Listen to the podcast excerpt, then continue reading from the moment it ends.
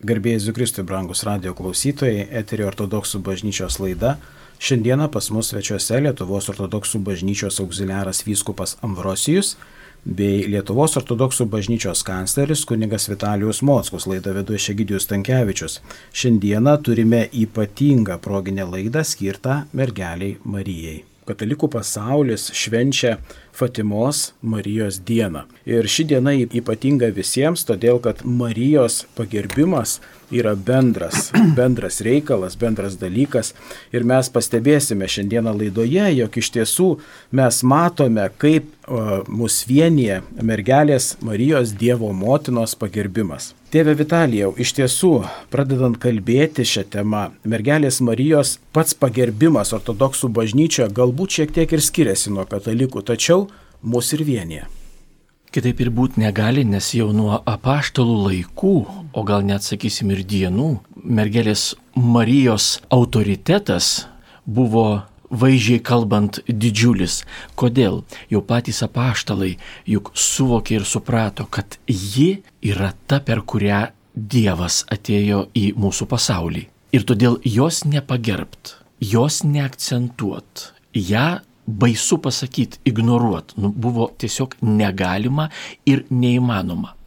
Ir štai nuo tada ir prasidėjo pagerbimas Marijos, kuris istoriškai taip susiklostė gražiai iki mūsų dienų, bet pirmųjų krikščionių arba pirmųjų kartų krikščionių, tas Marijos pagerbimas buvo kilęs iš to apašteliško mokymo, iš jos vaidmens krikščionių bažnyčioje. Bet e, laikui bėgant atsirado tokių žmonių, kurie pradėjo visaip kitaip dar interpretuoti Mariją, ne šiaip norėdami ten ją pažeminti ar kaip, bet klaidingai mokydami, kadangi, na, buvo ir su e, mūsų viešpačiu Jėzu Kristumi irgi susijusių erezijų, kad kaip Arijus sakė, kad jis nėra tikras Dievas, jis yra taip pat sukurtas.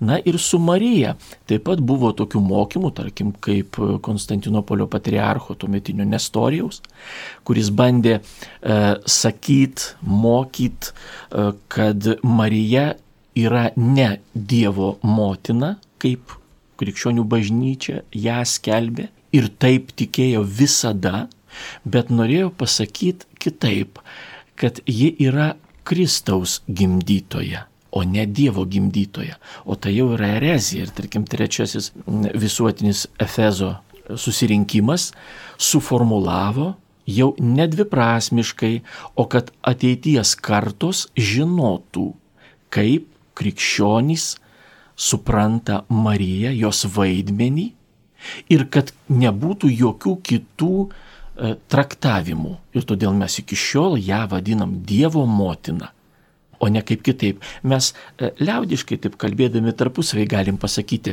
Marija pagimdė Jėzų. Bet kada mes kalbam iš dogmatinės pusės, mes žinom, kad jinai pagimdė Dievą. Taip, jis buvo tikras Dievas ir tikras žmogus. Bet ji pagimdė ne tik žmogų, o ir Dievą kartu vienu metu. Todėl tai yra labai svarbu. Ir štai e, po to trečiojo visuotinio susirinkimo toliau vystėsi bažnyčios gyvenimas, ta raida, krikščionybės ir iki šiol ortodoksų bažnyčioje išlaikytas tas pamaldumas Marijai, kuris kilęs yra iš šventojo rašto, iš apaštalų mokymo ir bažnyčios suformuluotas. Ir iki šiol išlaikytas ir mes džiaugiamės, kad galime, čia mums didelė garbė yra, kad e, nuo pat pirmųjų e, amžių arba pirmųjų krikščionių kartų iki šios dienos mes atkartojam tą patį mokymą. Būtent tą patį. Taigi Marijos vaidmo bažnyčioje vat, nuo pat pirmų amžių iki šių dienų yra toks, kokį ir išreiškia savo praktikoje savo pamaldume ortodoksų bažnyčiai. Ekscelencija, mergelės Marijos stebuklas apsireiškimuose yra labai toksai paplitęs ir mums žinomas reiškinys. Netikinčiam žmogui tai yra kažkas nesuvokiamo, o tikinčiam žmogui tai yra tas toksai tiesioginis rodomasis pirštas iš dangaus, kad štai tu nesi tik tai kūnas, tu esi daugiau Ekscelencija, vienas iš pavyzdžių yra Sergijus Radonežėtis. Taip, e, Sergijus Radonežėtis yra krikščionis, e, ortodoksas, kaip mes žinom, jis gyveno 14 amžiuje, buvo vienuolis e, ir būtent nuo jo gyvenimo Radanižo miškuose prasidėjo vienuolynas, kuris dabar vadinasi Šventos Trybės Sergijos Radanižėčio lavra, kuri jau tiek amžių stovi ir ten vienuoliai meldžiasi už visą pasaulį, už mus visus. Be to tai šitas vienuolynas ir turi tam tikrą vaidmenį susijusi su misija, nes labai daug žmonių dabar atvažiuoja į šią vietą ir puola prie Švento Sergijaus paliekų ir prašo jau Švento Sergijaus maldų, bet ir tai, kad Dievo motina savo laiku parodė save Šventam Sergijui ir jo mokiniui Šventam Michėjui irgi turi tam tikrą prasme. Ir dabar kiekvieną penktadienį vakare Lavroj dėl to tarnaujamas yra akafestas Dievo motinai, būtent to pasireiškimo pagarbai, priminti mums visiems ir padėkoti už tai Dievo motiną. Bet jeigu kalbėti jau apie patį tą pasirodymą Dievo motinos, tai buvo susiję su švento Sergijaus malda, kai jis savo vienuolyno įgumenas e, labai pergyveno dėl ateities šio vienuolyno ir meldėsi Dievo motinai už tai, kad ji padėtų ir ne tik vienuoliams, kurie gyveno jo laikais, bet padėtų ir busimiem vienuoliam, kad jie irgi dvasiškai būtų aukšto lygio ir kad jie galėtų tarnauti ir Dievui, ir žmonėms. Ir jis, aišku, labai prašė ir Dievo, ir Dievo motinos. Ir Dievo motina kai jis meldėsi naktį, pasirodė jam ir jam padėjo turėti tą viltį, jam net pažadėjo, kad visi vienuoliai ir jos vienuolynas, būtent Lavra, bus jos globos vieta ir kad tai buvo jos pažadėjimas šventam Sergijui. Be to norėjau pabrėžti tai, kad e, kai pasirodė Dievo motina šventam Sergijui, tai jo mokinys, šventas Michėjus, negalėjo jos matyti. Ir jis tik tai girdėjo jos balsą, bet jos nematė. Ir tai yra labai įdomus momentas, nes šventas Sergijus buvo jau tam tikram dvasiniam lygiai, kai jis galėjo jau jausti Dievo malonę ir galėjo matyti Dievo motiną. O šventas Michėjus, jo mokinys, to dar negalėjo, jis galėjo tik ją girdėti. Ir tai parodo mum, kad mes visi, eidami krikščionių keliu, irgi turim tam tikras galimybės šiame kelyje. Ir priklausomai nuo to, koks bus mūsų dvasinis lygis, tai ir mes galėsim būti arba arčiau šventųjų ir Dievo motinos ir pačio e, Jėzaus Kristaus, arba mes tiesiog neturėsim dvasinių jėgų ir to dvasinio regėjimo ir to širdies gilio, kad mes galėtume pajausti ir Dievo motinos pasireiškimą, pamatyti ją ir kad tai būtų su dvasinė nauda. Tai dėl to irgi yra pavyzdžių ir kitų pavyzdžių Dievo motinos pasireiškimų ir kitų šventų ir pačio Jėzaus Kristaus, kai vieni žmonės matė ir girdėjo, o kiti ne. Tai irgi parodo mums iš vienos pusės ir teisingą kelią, bet iš kitos pusės parodo ir skirtumą dvasiniam lygiai tarp krikščionių, tarp žmonių, kurie eina dvasiniu keliu. Ekscelencija, taip pat mes turime, na, ortodoksų bažnyčia turi ypatingą vietą pasaulyje, tai yra Tono kalnas, Nors mes aišku negalime lyginti, ar, ar vienas vienuolynas yra daugiau ar mažiau, bet ta pati vieta, jinai yra žinoma ir katalikams, ir kas tai do ypatinga vieta. Šiaip skaitosi, kad Atono kalnas yra kaip vienuolių tokia respublika, kur gyvena tik vienuoliai ir m, mm, galima sakyti, kad ta pilietybė, Atono pilietybė būtent susijusi su vienuolystė. Ir to Atono jau gyventojai E, piliečiai, galima sakyti, to tono, tai jie būtent jų yra, jau dvasinis kelias yra vienuoliškas. Ir e, aišku, ta vieta yra susijusi su Dievo motina, kuri irgi davė savo ypatingą palaiminimą e, šiai vietai ir yra ir skaitosi įguminėje šios vietos ir net yra ikonų, kur Dievo motina pavaizduota įguminėje, laikanti įguminijos lasdą ir palaimindama visus vienuolius, kurie ten gyvena vienuolynuose ir ne tik vienuolynuose. Ir aišku, be to Dievo motina yra pavaizduota šio ikonai su vienuoliškais drabužiais. Ir tai primena mums, kad visi vienuoliai vaikšto ir gyvena jau turi ant savęs Dievo motinos drabužius ir prašo Dievo motinos, kad ji mus laimintų ir padėtų vienuolių kelyje.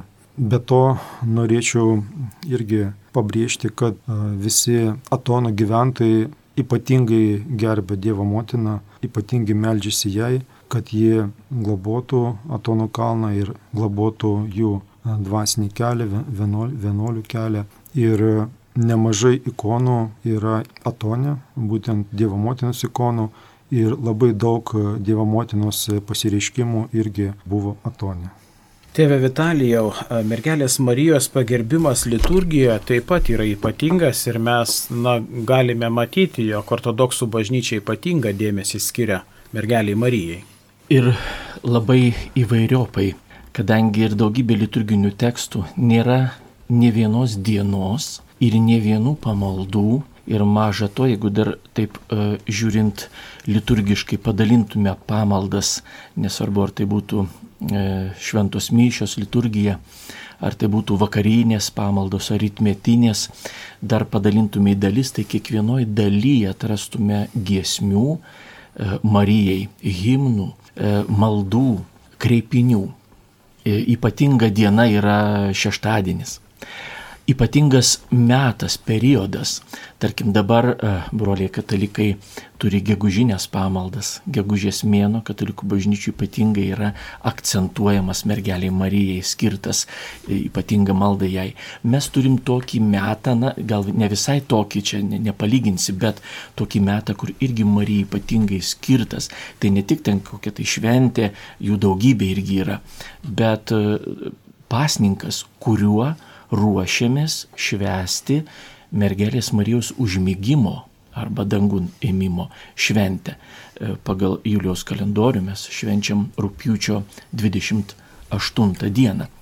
Taigi, tai šventai ruošiamės ypatingai griežtų kaip gavėnė e, pasninkų trunkančių dvi savaitės. Tai toks ypatingas metas, pagerbti Mariją. Taigi e, liturgiškai daugybė įvairių yra formų ir galimybių.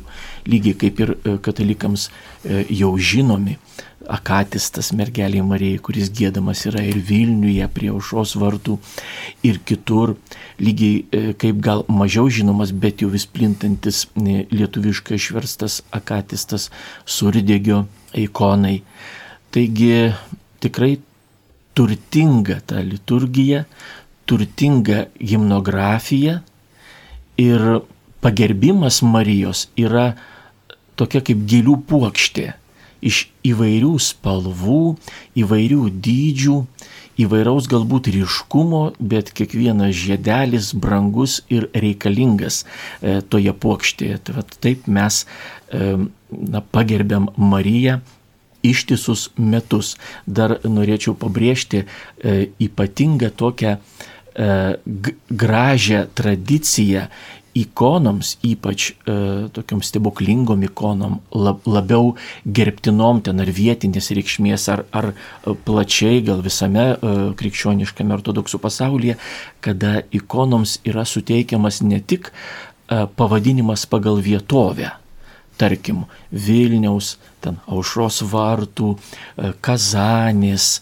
e, Blachernos, dar kitų vietovių, bet tokie poetiniai pavadinimai, kurie išreiškia žmogaus e, meilę Marijai ir tą pagarbą, tarkim, nevystanti gėlė viena iš ikonų yra. Arba Lietuvoje galima aptikti net ir parapijas mūsų e, šventovės e, skirtas Marijai. Ir viena iš tų ikonų yra visų liūdinčiųjų džiaugsmas. Labai gražiai, poetiškai išreikštas požiūris į Mariją ir, ir daugybė, daugybė kitų ikonų su tais gražiais tokiais pavadinimais, pabrėšiu, išreiškiančiais meilę, tikinčiųjų meilę Dievo motinai. Tai štai va toks, tokia graži iš tikrųjų ir gili e, krikščioniška tradicija.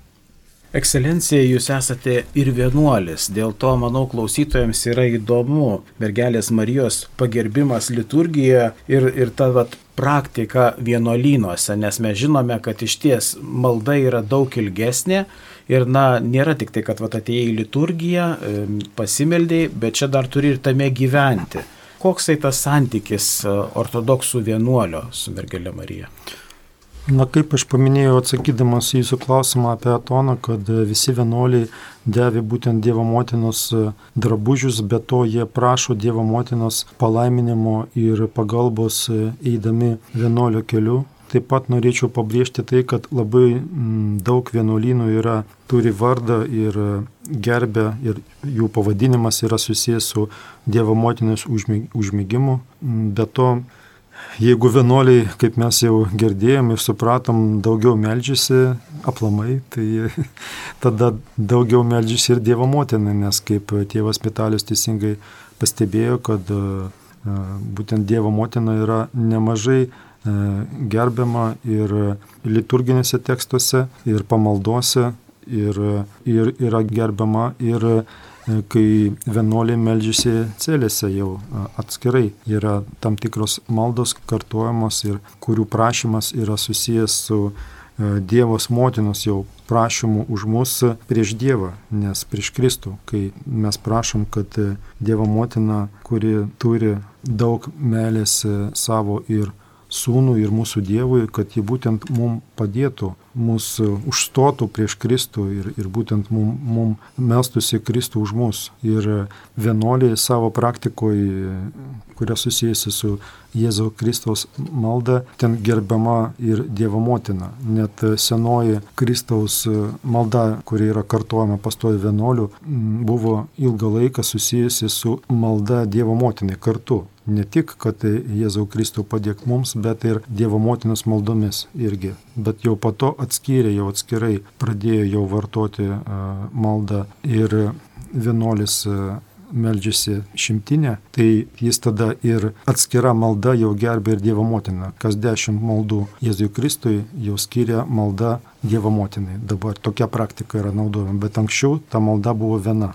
Tai tokiu būdu galima sakyti, kad aišku, vienuoliai savo gyvenimu ir, ir savo, savo maldomis labai prašo Dievo motiną, kad ji padėtų ir patiems vienuoliams ir užstotų už visą pasaulį prieš Kristų ir ta Dievo motinos malonė irgi yra jaučiama vienuolynose, ypač tuose, kurie pavadinti dėl Dievo motinos.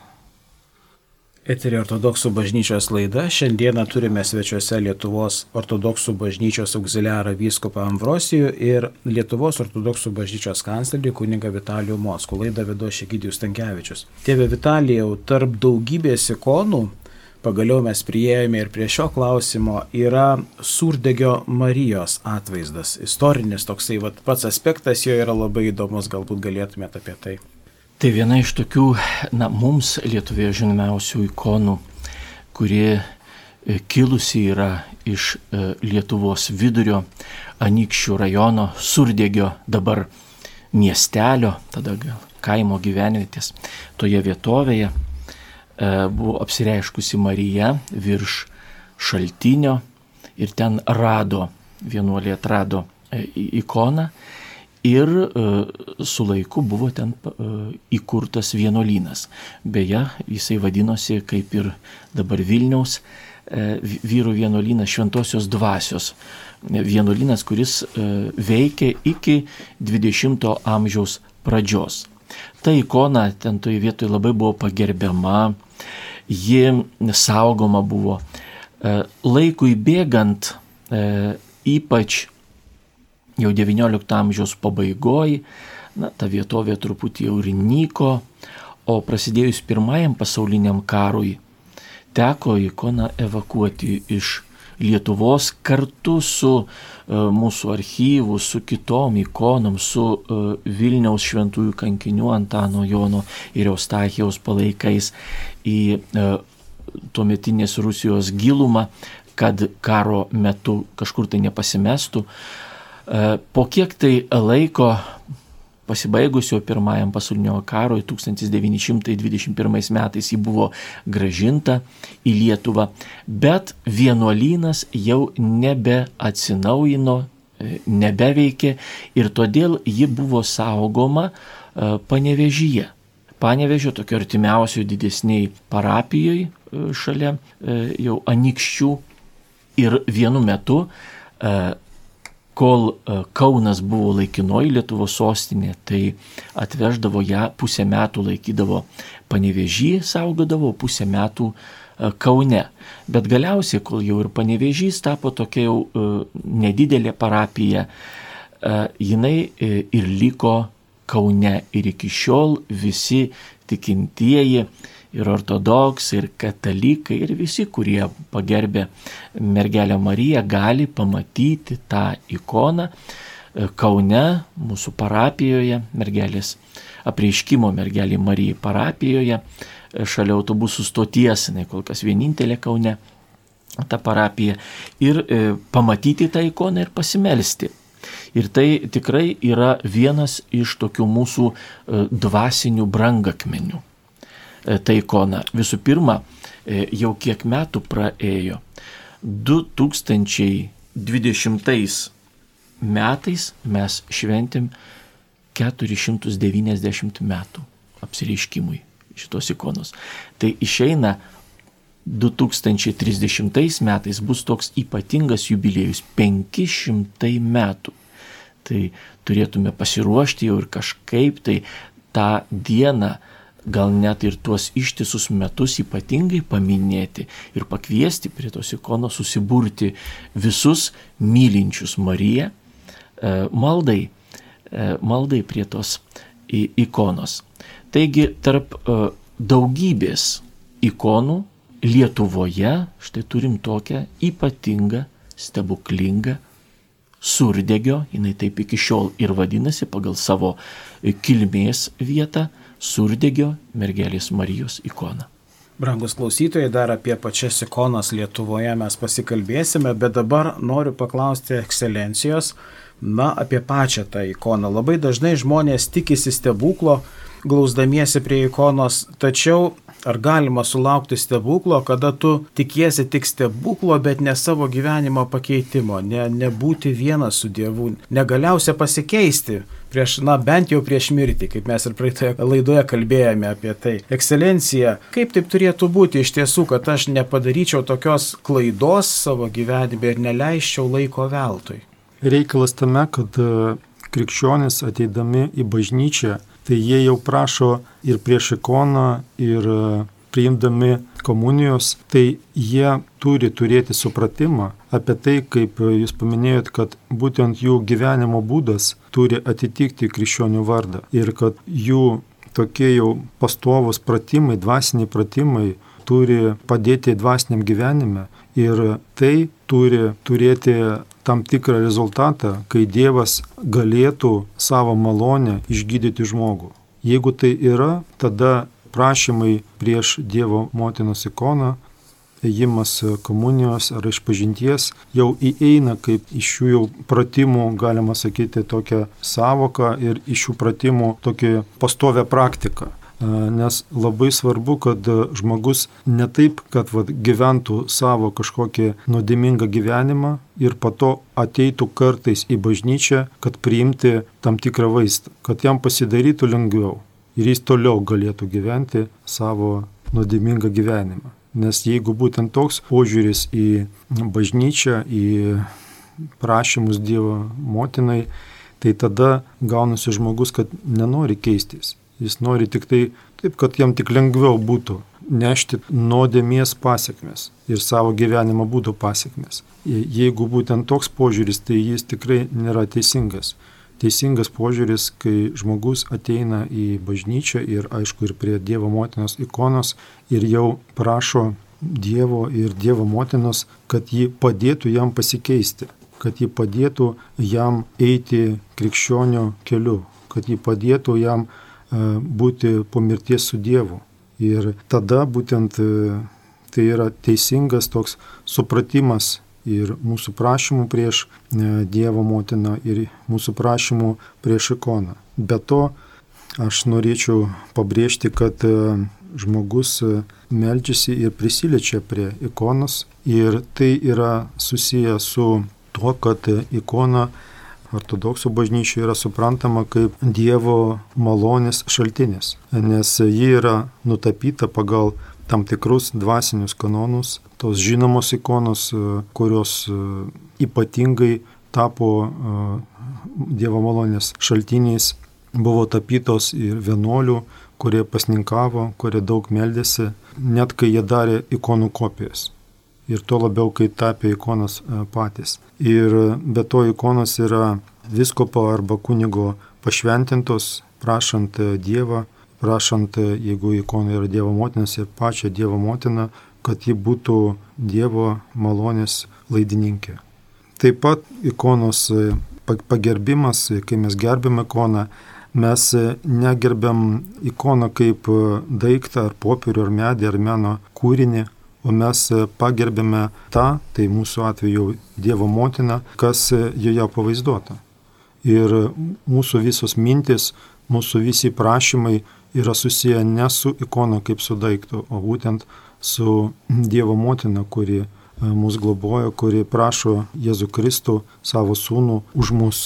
Taip pat jau atsakydamas šį klausimą norėčiau jau pratesti ir apie teisingą ikonų supratimą, kad ikona yra ir dvasinis mūsų atveju Dievo motinos atvaizdas. Ir be to ikona yra langas į anapusybę ir dangaus karalystę, kur jau visų šventųjų švenčiama Kristaus pergalė, Kristaus prisikelimas. Todėl šventieji ikonose ir Dievo motina yra pavaizduoti be jokių trūkumų, net jeigu jie turėjo tos trūkumus gyvenime. Nu, pavyzdžiui, buvo akli arba gyvena su uždarom akim. Taip pat krikščionis e, gerbdamas ikoną pagerbė Jėzų Kristų, Dievo motiną, angelus šventosius pavaizduotus joje ir ta pagarba lengvesnė, kai mes būtent matom ikoną.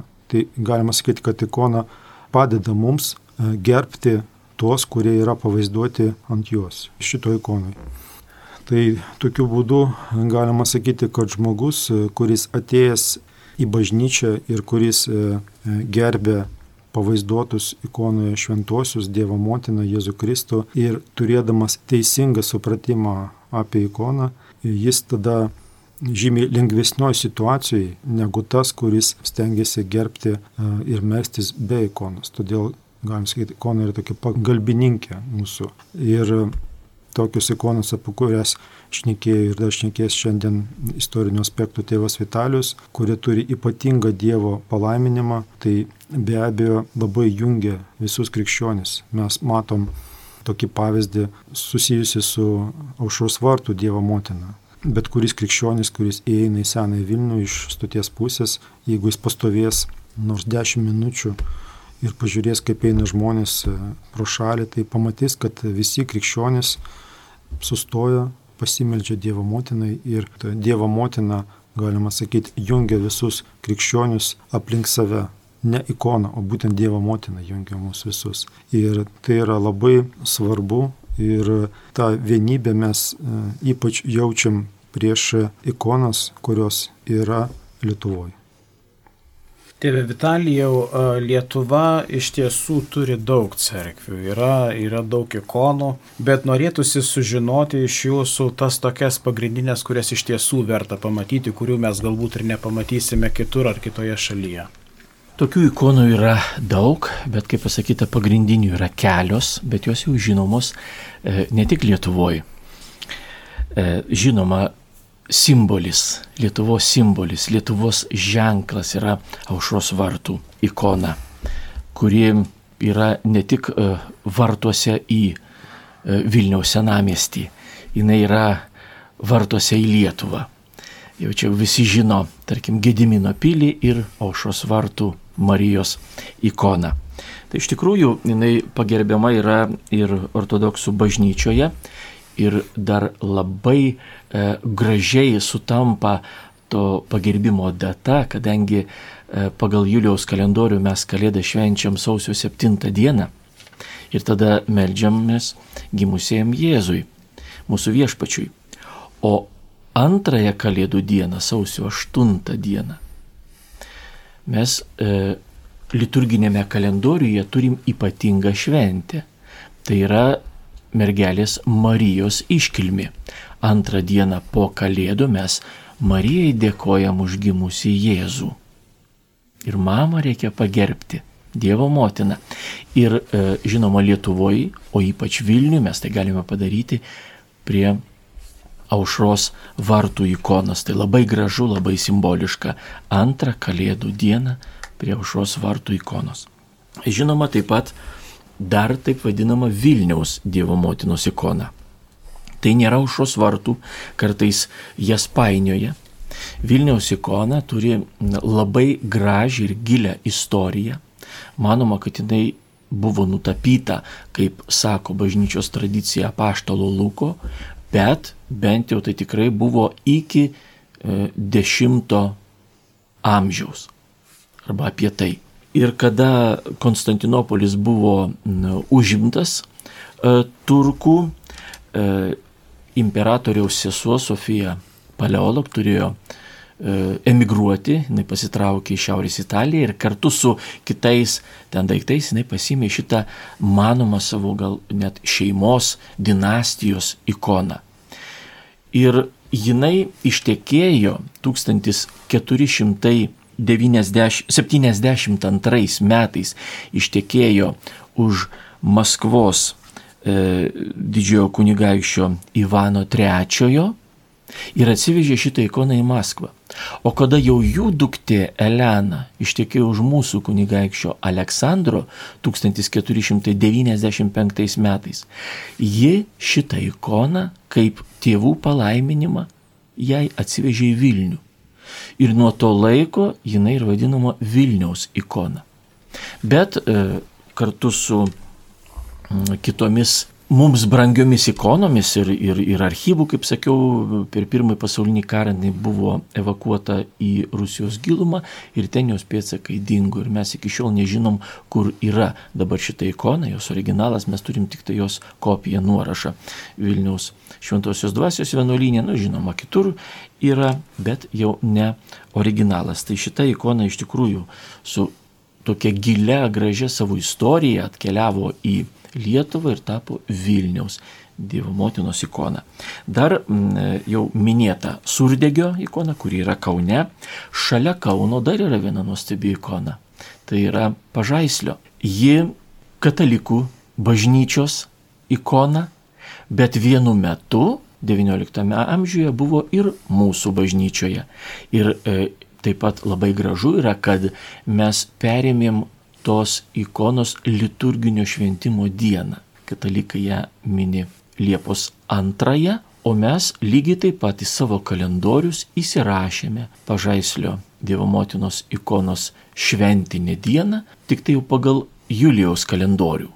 Liepos antroji pagal Julijaus kalendorių yra Liepos penkioliktoji dabar ir iki šiol mes švenčiam. Todėl šalia Kauno yra dar antra tokia visiems labai brangi ikona ir katalikams, ir ortodoksams. Ir tikrai mes tą, tą ikoną labai pagerbėm, labai, labai švenčiam.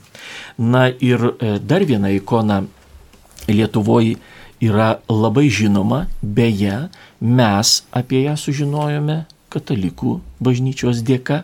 Tai dabar taip vadinama Lūkiškių ikona, kuri nutapyta buvo maždaug 15 amžiuje, pamaskvėje kažkur tai, bent jau tai yra to e, laikotarpio stiliaus ir e, maždaug Maskvos ikonografinės mokyklos e, stiliaus ikona, kuri 17 amžiaus pirmoje pusėje dėl nuolatinių karų tarp Lietuvos ir Maskvos buvo e, pagrobta, paimta kažkur tai pamaskvėjai, vienoje iš parapijų ar vienuolynų, dabar jau sunku e, sužinot konkrečiai ir tiksliai, ir atvežta čionai į Lietuvą.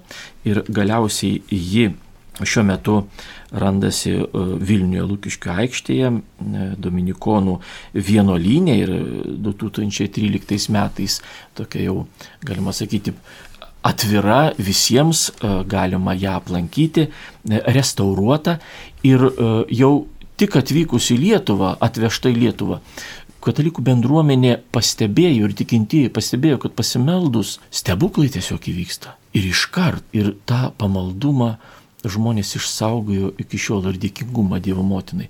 Ir štai to pamaldumo dėka, kuris pasireiškia katalikų bažnyčioje, nes mes nežinom, e, kas su jie buvo ten pamaskvėje iki patenkant į Lietuvą, e, tai to pamaldumo dėka ir mes sužinojom, kad graži, nuostabi e, rytų bažnyčios, ortodoksų bažnyčios ikona šitaip pražydo katalikų bažnyčių ir mes ateinam prie tos ikonos Vilniuje e, pasimelsti. Tai čia tos penkios pagrindinės, bet dargi yra daugybė ikonų. Tikinčiojo širdis, jeigu kreipiasi į Dievo motiną, tai bet kokia ikona gali būti stebuklinga. Tegu ir paprasta kažkokia tai popierinė litografija, bet jeigu žmogus meldžiasi nuoširdžiai, uoliai ir myli e, Mariją, tai, tai jinai ir, ir, ir padės, nesvarbu kokia tai ikona, sena jinai, ar, ar, ar nauja, ar, ar popierinė, ar, ar medinė. Bet yra tokios vietinės reikšmės ikonos ir Lietuvoje jų iš tikrųjų labai daug. Tarkim, Palangoje e, parapija naujai pastatyta ir e, dedikuota Iberijos mergelės Marijos ikonai. Iberija tai yra senovinis Sakartvelo, Gruzijos e, pavadinimas.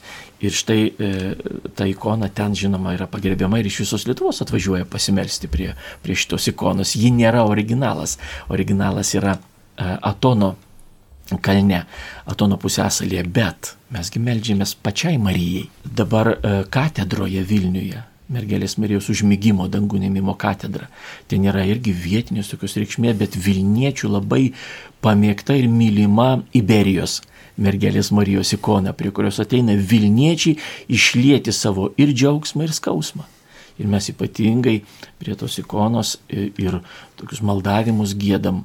Ir tą dieną, kada jinai yra švenčiama, vienas iš tų šventimų, ten yra keli kartai per, per metus, bet vienas iš jų buvo čia Velykų e, savaitę, tai tokios iškilmingos pamaldos susirenka Vilniečiai ir tokių vietų galima Lietuvoje atrasti daugybę. Ne veltui Lietuva yra vadinama Marijos žeme. Ir mes, ortodoksai, tuo pamaldumu į Mariją, galima sakyti, paliudijam, patvirtinam, kad tikrai taip yra. Kaip tėvas Vitalijus ir sakė, Lukiškių ikona pražydo tiems žmonėms, kurie galbūt jos ir nepažinojo ir nematė. Ekscelencija, koks būtų patarimas žmonėms, kurie, na, labai dažnai mes girdime, sako, man nereikia bažnyčios, nes ten išsigalvojimas, man nereikia ikonų čia iš vis kažkas tai nesuprantama, jau ką kalbėti ir apie kunigus, aš nueisiu į mišką, ramiai pasimelsiu, na ir kam tada čia reikia visų tų ikonų. Taip, aišku, galima nueiti į mišką, bet ir tame miške galima pasimesti. Ir tai yra labai didelė rizika e, bet kuriam krikščioniui ir net žmogui, kuris nori teisingai šlovinti Dievą ir e, gerbti Dievo motiną ir šventuosius. Dėl to norėčiau pasakyti, kad e, būtent žmogus, kuris nori eiti krikščionių keliu ir kuris nori eiti to keliu kuo efektyviau, kuo, kuo greičiau, kuo trumpiau, kuo efektyviau naudojant savo gyvenimo laiką, kurio nėra daug, tai tas žmogus jau stengiasi naudoti teisingas priemonės ir kitų žmonių patirtį, bet to ir pačio Jėzaus Kristaus, Dievo motinos, apaštalų, šventųjų, angelų pagalba. Ir mes ir net bendraudami su žmonėm, jeigu norim pagalbos, tai mes kreipiamės į žmonės, į mūsų pažįstamus arba į mūsų žmonės, kurie turi daugiau profesionalinės patirties, kad jie padėtų mums e, kažkaip išspręsti tam tikras problemas. Bet kunigai, vienuoliai, jų darbas yra būtent malda ir net Dievo palaiminimas yra padėti žmonėms, nes jie turi tam tikslui ir Dievo palaiminimą, ir Dievo malonę, kuri yra duota nuo apaštalų laikų ir perdodama per viskupus kunigams. Kunigai turi ne tik tą, kaip sakant, leidimą, bet ir būtent Dievo palaiminimą tam. Ir tas Dievo palaiminimas, šventimas, kuris, kurie turi kunigai, viskupai, tai leidžia jiem padėti žmonėms šiame kelyje per sakramentus, kas yra labai labai svarbu, nes žmonės, kurie naudoja sakramentus savo dvasiniam gyvenime, žymiai greičiau eina dvasiniu keliu negu tie, kurie net būdami krikščioniais retai prieina iš pažinties, komunijos. Ir aišku, žmonės, kurie taip daro, tai patys savo daro tam tikras, galima sakyti, problemas ir truputį sulėtina savo dvasinį tą gyvenimą. Be to prieimas prie ikonos, Dievo motinos ikonos, kai krikščionys turi teisingą supratimą ir teisingą maldos būdą ir teisingai gerbė Dievo motiną ir ikonas tam jam padeda. Ir irgi padeda ir to, kad žmogus stovėdamas prieš ikoną ir žiūrėdamas į Dievo motiną savo mintimis jau eina prie Dievo motinos, bet ir padeda ikonas ir to, kad kaip jau sakiau, jos yra ir Dievo malonės šaltinis. Ir būtent Dievo malonė žmogų ir šventina, žmogų ir padeda jam eiti tuo dvasiniu keliu. Todėl, aišku, mes galim, norėdami valgyti, sakyti, kad mums nereikia nei tam tikrų receptų, nei įrankių, nei e, vietos tam tikros valgymui, nei virtuvės, nieko. Mes taip valgysim rankomis, miške, karasim. Taip, galima ir taip valgyti, bet e, efektyvumas to valgymo bus žymiai žemesnis negu žmonių, kurie mm, turi praktiką kitų žmonių ir jie prisisotina e, žymiai efektyviau, greičiau ir sveikiau savo kūnui, taip pat kaip ir prisisotina krikščionis Dievo malonę, eidamas dvasiniu keliu ir naudojamas tam tikrus dvasinius įrankius, pagalba dvasinė ne tik iš žmonių, bet ir iš Dievo ir iš Dievo motinos. Brangus klausytojai, šiandieną mes kalbėjome apie mergelę Mariją, bandėme kartu su jumis švęsti šią šventę ir norėtumėm laidą pabaigti ekscelencijos šventiniu žodžiu ir žinoma palaiminimu visiems krikščionims. Tai norėčiau visų pirma padėkoti visus uždėmesi ir, už, ir Dievą už tą galimybę, kad mes galim va, taip va, eterėje kalbėti dvasiniais klausimais, tai tikrai yra Dievo malonė ir tikiuosi, kad e, mūsų pokalbiai padės krikščionėms eiti tuo keliu. Ir e, norėčiau palinkėti visiems e, Dievo ir Dievo motinos malonės šiame kelyje ir kad mes stengtumės gauti tą Dievo malonę ir Dievo palaiminimą, juos išsaugoti ir kuo greičiau ateiti pas Dievą ir kad Dievo motina per savo ikonas padėtų mums šiame kelyje. Ačiū uždėmesi, dėkuoju. Te palaimė Dievas mūsų visus.